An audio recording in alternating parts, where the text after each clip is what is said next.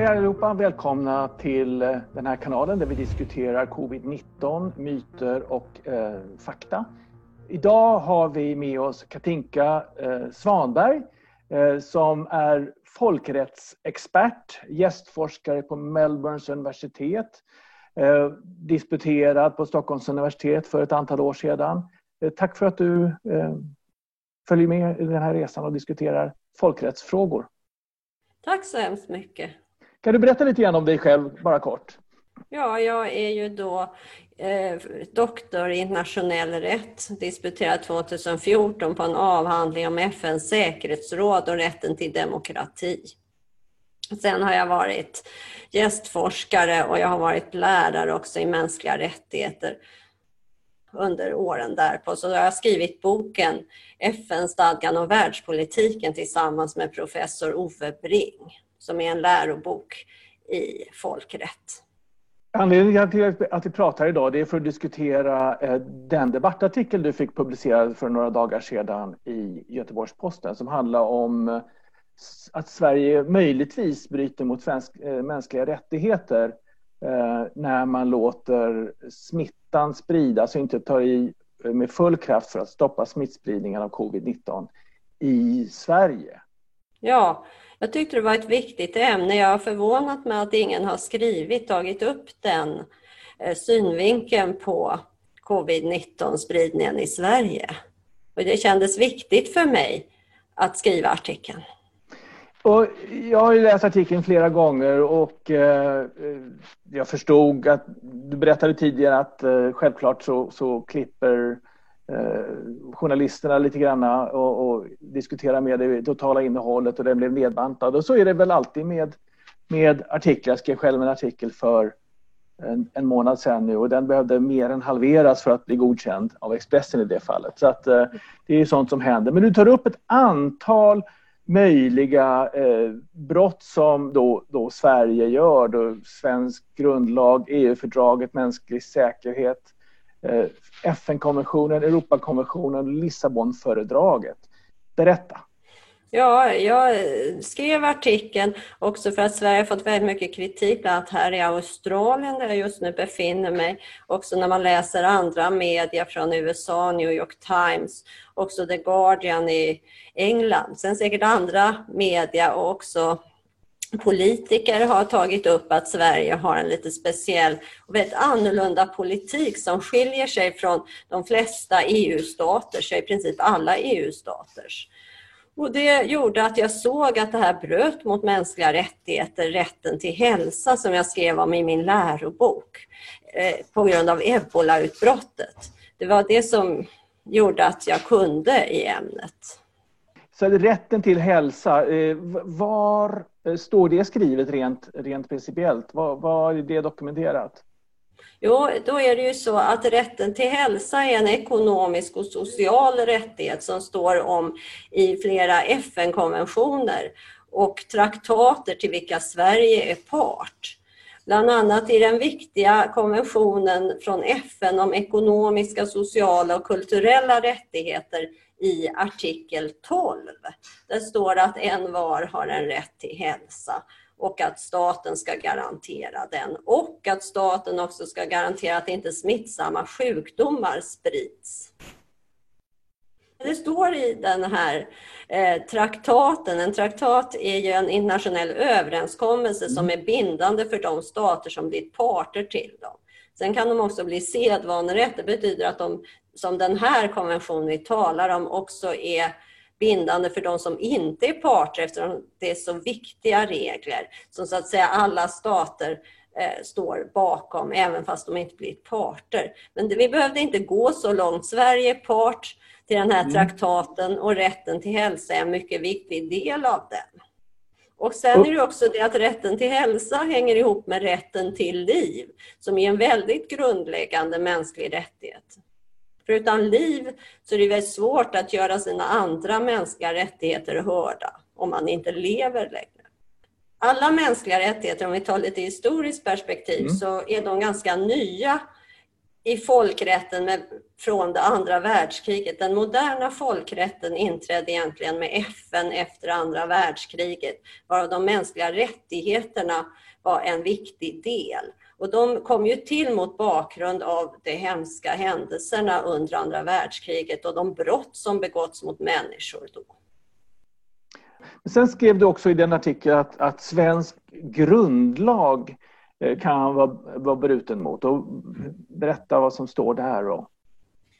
Ja, då är det ju så att Sverige i Sverige part då till också FN-konventionen om medborgerliga politiska rättigheterna. Vill bara ta det mm. först, där rätten till liv är i artikel 6. Och Sverige har då skrivit in i sin grundlag att vi ska följa de mänskliga rättigheterna. Framförallt då eftersom vi är medlemmar i EU så måste vi följa Europakonventionen om de mänskliga rättigheterna från eh, 1949. Och som också då innehåller rätten till liv. Och det står alltså i Sveriges regeringsform att den här konventionen är svensk lag, Europakonventionen om de mänskliga rättigheterna. Och den ger ett väldigt bra skydd för svenskar eftersom eh, man kan åtala brott mot den i Sverige. Om svensk lag och Sveriges myndigheter inte följer Europakonventionen kan en individ som jag eller du som drabbas av ett brott åtala det brottet. Så man, i princip skulle man då, då göra en anmälan hos polisen helt enkelt? Ja, man måste så att säga väcka åtal vid en svensk domstol. Man måste först uttömma, mm. som det heter, de inhemska rättsmedlen. Att man ska se om man, till exempel om en myndighet har brutit, kanske givit ett felaktigt, ett nej till ett trafiktillstånd, vi kan ta något enkelt, så har man ju först rätt att begära rättelse och går inte det kan man gå till en förvaltningsdomstol och få sitt mål prövat. Men säg att man får fel i alla instanser eller mm. inte kan få gå upp vidare. Då kan man gå vidare till den Europeiska domstolen för mänskliga rättigheter i Strasbourg. Och då kan man ha ett mål mot den svenska staten. Eh, och, och, och skälen till det skulle vara om Sverige utifrån ett myndighetsperspektiv eller politik, policyperspektiv har låtit smitta spridas. Är, är det du säger? Ja, det skulle ju vara så. Det finns flera. Det är en ganska komplicerad fråga.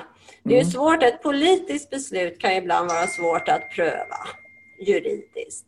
Men när det finns lagar som överträds, till exempel som Folkhälsomyndigheten har ju då en skyldighet enligt smittskyddslagen att begränsa en allmänfarlig sjukdom som covid-19 då har klassats som genom också ett tillägg i smittskyddslagen. Och om Folkhälsomyndigheten då så att säga åsidosätter denna skyldighet som de tilldelats i lagen på så sätt att rätten till hälsa också sätts i fara. Och där kan vi ha bevisning som att till exempel de här lagren av medicin och utrustning hade tömts. Så kan det ju då visa sig vara ett brott mot rätten till hälsa men också ännu värre mot rätten till liv som då är inskriven i Europakonventionen om mänskliga rättigheter. Så det är svensk smittskyddslag och Europakonventionen som då skulle man eventuellt bryter emot om, om man skulle anses ja. vara skyldig? Det skulle och, och, jag säga. Vad säger smittskyddslagen? Smittskyddslagen får vi ta upp nu så då får vi ta en liten paus här och se om den vill titta fram. Här säger den. Smittskyddslagen står att samhällets smittskydd ska tillgodose befolkningens behov av skydd mot spridning av smittsamma sjukdomar. Och sen så står det ju då att det är sådana som kan överföras till eller mellan människor som kan innebära ett inte ringa hot mot människors hälsa. Och nu har ju regeringen eh, lagt en proposition att covid-19 ska höra alltså per definition höra under smittskyddslagen så att den ändras. Så, så att det är ju ingen konflikt att den, den, den ingår, det är en samhällsfarlig sjukdom. Och den är allmänfarlig eftersom den kan påverka viktiga samhällsfunktioner om den sprids. Och det har den ju redan gjort. Ja, ja precis. Och sen står det att Folkhälsomyndigheten har ett ansvar då för samordning av smittskyddet på nationell nivå och ska ta de initiativ som krävs för att upprätthålla ett effektivt smittskydd, står det i lagen. Och, och, och, det finns ju smittskyddsläkare runt om i landet som har ansvar att hjälpa till med smittspridning och sådana, eh, att spåra smittspridning och, och smittade. Eh, självklart har de i, i det här läget eh, blivit fullständigt överväldigade och inte kunnat ha tid eller möjlighet att, att göra all smittspårning som, som kanske skulle behövas i det här läget. Ja, det är ett ansvar som egentligen då vilar på Folkhälsomyndigheten för de ska också garantera att smittspårning sker med hjälp av de läkare du talar om. Men det är ju det övergripande ansvaret. Om man talar om mänskliga rättigheter så är det ju Naturligtvis kan en individuell tjänsteman göra fel och så vidare. Men då talar man om så att säga, svenska statens ansvar och myndigheterna står på regeringskansliets hemsida att eh, mänskliga rättigheter är ju framförallt till skydd mot svenska, ja, eller mot myndigheter att de ska inte bryta mot mänskliga rättigheter. Så covid-19 anses vara en allmän farlig smitta? Ja, det, det, har man ju lagt en proposition om att infoga den i lagen. Här. Ja, till och med specificera att den är en allmänfarlig smitta. Ja. Så, eh, och, och, och, vad är skälet till att man gör det? Ja, för att det är ju, det har vi ju sett på vad som hänt i övriga världen. Det är väl verkligen en pandemi och, och den är mycket farlig och många människor har dött. Men är det inte så också att de vill försöka hindra individer från att sprida smitta medvetet. Till ja, exempel har covid-hostfester har de haft i USA till exempel. Har jag läst ja. någonstans. Och, och liksom, ja, man verkligen försöker smida smittan mellan individer. Men det skulle med den här propositionen bli helt olagligt. Ja, det är redan nu. Ja, men det behövs egentligen inget tillägg i smittskyddslagen. Det är uppenbart att det här är en mm. allmänfarlig och samhällsfarlig sjukdom och att Folkhälsomyndigheten ska göra vad den kan för att stoppa smittspridningen och den ska också utöva smittspårning. Till exempel då, jag kan ju se exemplet i Australien att man söker upp kluster av så fort man ser att någon är smittad mm. söker man ju upp, precis som det också står i svensk lag, den den här personen har varit i kontakt med. Mm. Och I vår svenska smittskyddslag står att man måste då berätta vilka man varit i kontakt med. Och Sen ska de ju spåras upp i det här fallet och testas så att man kan avgränsa till exempel på ett äldreboende. Och smittskyddslagen, om man bryter mot den så kan ju det ha konsekvenser uppenbarligen. Ja, det är helt enkelt. Och det visar sig att i det här fallet med just den här sjukdomen är det ju särskilt svaga grupper som är i farozonen. Och mänskliga mm. rättigheter bygger ju då, och även då smittskyddslagen står också på allas lika värde. Mm. vilka straff kan man få om man bryter mot smittskyddslagen?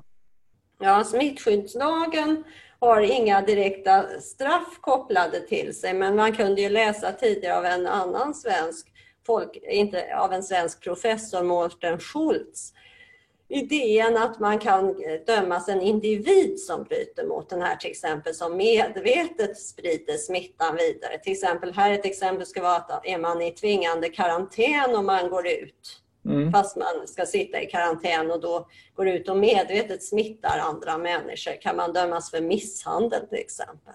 Mm. Eller kroppsskada. Det låter ganska starkt. Det där är uppenbarligen då riktat mot individer i huvudsak. Eh, ja, brotten är ju riktat mot individer. Men det är ändå, så att säga, pekar ju på allvaret att de här brotten är till exempel grovt då, som livstidsfängelse är naturligtvis om det sprids till en stort antal individer i en stat, smittan. Mm. Så man förstår ju vikten av det att allmänfarlig smitta inte sprids, annars skulle det inte heller vara ett allmänfarligt brott. Mm. Ingen av oss påstår ju att, att någon medvetet sprider smittan i nuläget, men eh, om man tar bristfälliga eller ineffektiva steg för att stoppa smittspridning. Hur, hur ser man på det utifrån ett folk, eh, mänskliga rättighetsperspektiv? Ja, det är ju det att eh, Världshälsoorganisationen har ju kritiserat Sverige och så att säga ålagt Sverige att öka testningen, öka smittspårningen, att anta bindande sanktioner för att stoppa och hindra smittspridningen och man har inte följt de rekommendationerna och Världshälsoorganisationen är ju FNs högsta organ som ska vakta rätten till hälsa som jag berättade är en folkrättslig förpliktelse. Det du, eh, du uttrycker är ju väldigt, väldigt kraftfull kritik mot eh, svensk myndighet. Ja, jag tycker inte, jag menar jag tycker det är självklart. Sverige är fällt över 60 gånger i Europadomstolen i Strasbourg för brott mot de mänskliga rättigheterna. Och jag tycker också det är väldigt viktigt att Sverige och Sveriges regering ofta är en förkämpe för de mänskliga rättigheterna när det gäller andra staters brott mot dem. Och därför är det ju väldigt, kanske lite märkligt att de inte skulle gälla. De gäller ju i alla länder också vårt eget land. Hur ska vi gå vidare, tycker du? Hur ska myndigheterna gå vidare för att eh, ta sig ur det här dilemmat som de är i just nu? Jag tycker att det är ganska självklart att man måste följa WHOs rekommendationer. Och att vi kan också se på andra EU, vi är också medlemmar i EU. Det är också Finland och Danmark, våra nordiska grannar. Norge är inte medlem. Så... Men alla medlemmar i Europa, i EU, har tagit, inte bara som Sverige, några oförbindande rekommendationer, utan de har antagit bindande regler för att hindra smittspridningen på olika sätt och de har stängt skolor och så vidare, förbjudit folksamlingar med färre än tio eller två personer och så vidare. Och tvingande karantän för den som visat sig sjuk. Och det har man inte heller eh, tvingande regler för i Sverige. Är det så? Nej, och där skiljer vi oss ju. Det är därför, för annars kunde vi säga att det har dött många gamla i Italien och i Spanien och i Frankrike och i Storbritannien och andra sårbara grupper. Det är inte bara äldre utan alla med en riskfaktor löper en förhöjd risk att dö. Även yngre utan riskfaktor löper också en viss risk. Men det finns ju vissa sårbara grupper. Det är också det som är en sorts diskriminering mot vissa grupper här löper ju en förhöjd risk. Om man inte vidtar skyddsåtgärder mot dem så är det också en, ett brott mot mänskliga rättigheter mot sårbara individer. Ja, det är ett perspektiv som inte jag har tänkt på det här under, under vad ska kalla det, covidkrisen 2020. Ehm, jag har ju tänkt utifrån ett medicinskt perspektiv. Jag har funderat väldigt mycket på hur vi ska ta oss ur det här. Funderat väldigt mycket på hur ska vi bete oss för att minska smittspridning?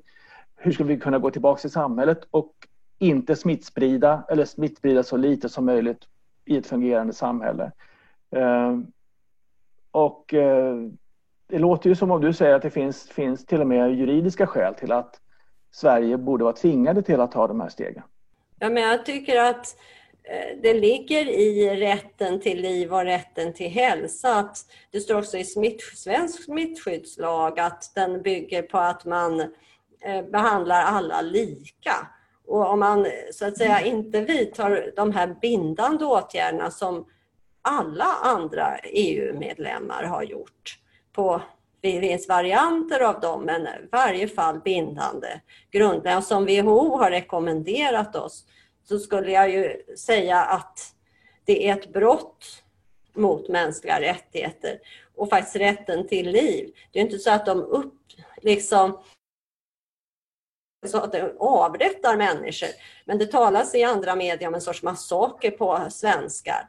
Och så att säga oavsiktligt blir det ju så att många sårbara människor dör. Ingen påstår eh, av oss två här och nu att, att någon medvetet eh, försöker få, få människor eh, döda. Det är absolut inte så. Och sjukvården Nej. kämpar jättehårt för att rädda varje liv. Gör Ingen tvekan. Ja, då, det, men det var ju inte det du skrev utan det var ju att myndigheterna har utsatt en speciell grupp för risk. Ja, och det är ju myndigheterna som har skrivit på de här FN-traktaterna. Europakonventionen är ju svensk lag eftersom den ingår i EU-paketet. Den är en del av EU-rätten. Och sen finns det också möjligheter, EU-rätten har ju också mänskliga rättigheter i EU-fördraget som du tog upp här i början, Lissabonfördraget införde Europakonventionen i EU-rätten. Men framförallt införde de grundläggande rättigheter var rätten till hälsa är en i artikel 35 i EU-fördraget. Och eh, där de kräver att EU-staterna ska ha en hög nivå. Sen finns det också några rättsfall jag tog upp i min artikel, men jag kan utveckla dem lite. Ja, där bland annat till exempel en gravid kvinna nekades eh, akut vård i Turkiet på flera vårdinstanser så att hon avled. Och det bedömde man vara ett brott mot rätten till liv i Europakonventionen. Ett annat fall som är intressant ur det här perspektivet är att Turkiet också dömdes för att sakna kuvöser till för tidigt, ett för tidigt fött barn och en underfinansierad sjukvård. Och där eh, Europadomstolen sa att det är ett krav på rätten till liv att man har rätt till adekvat utrustning i akutsjukvården.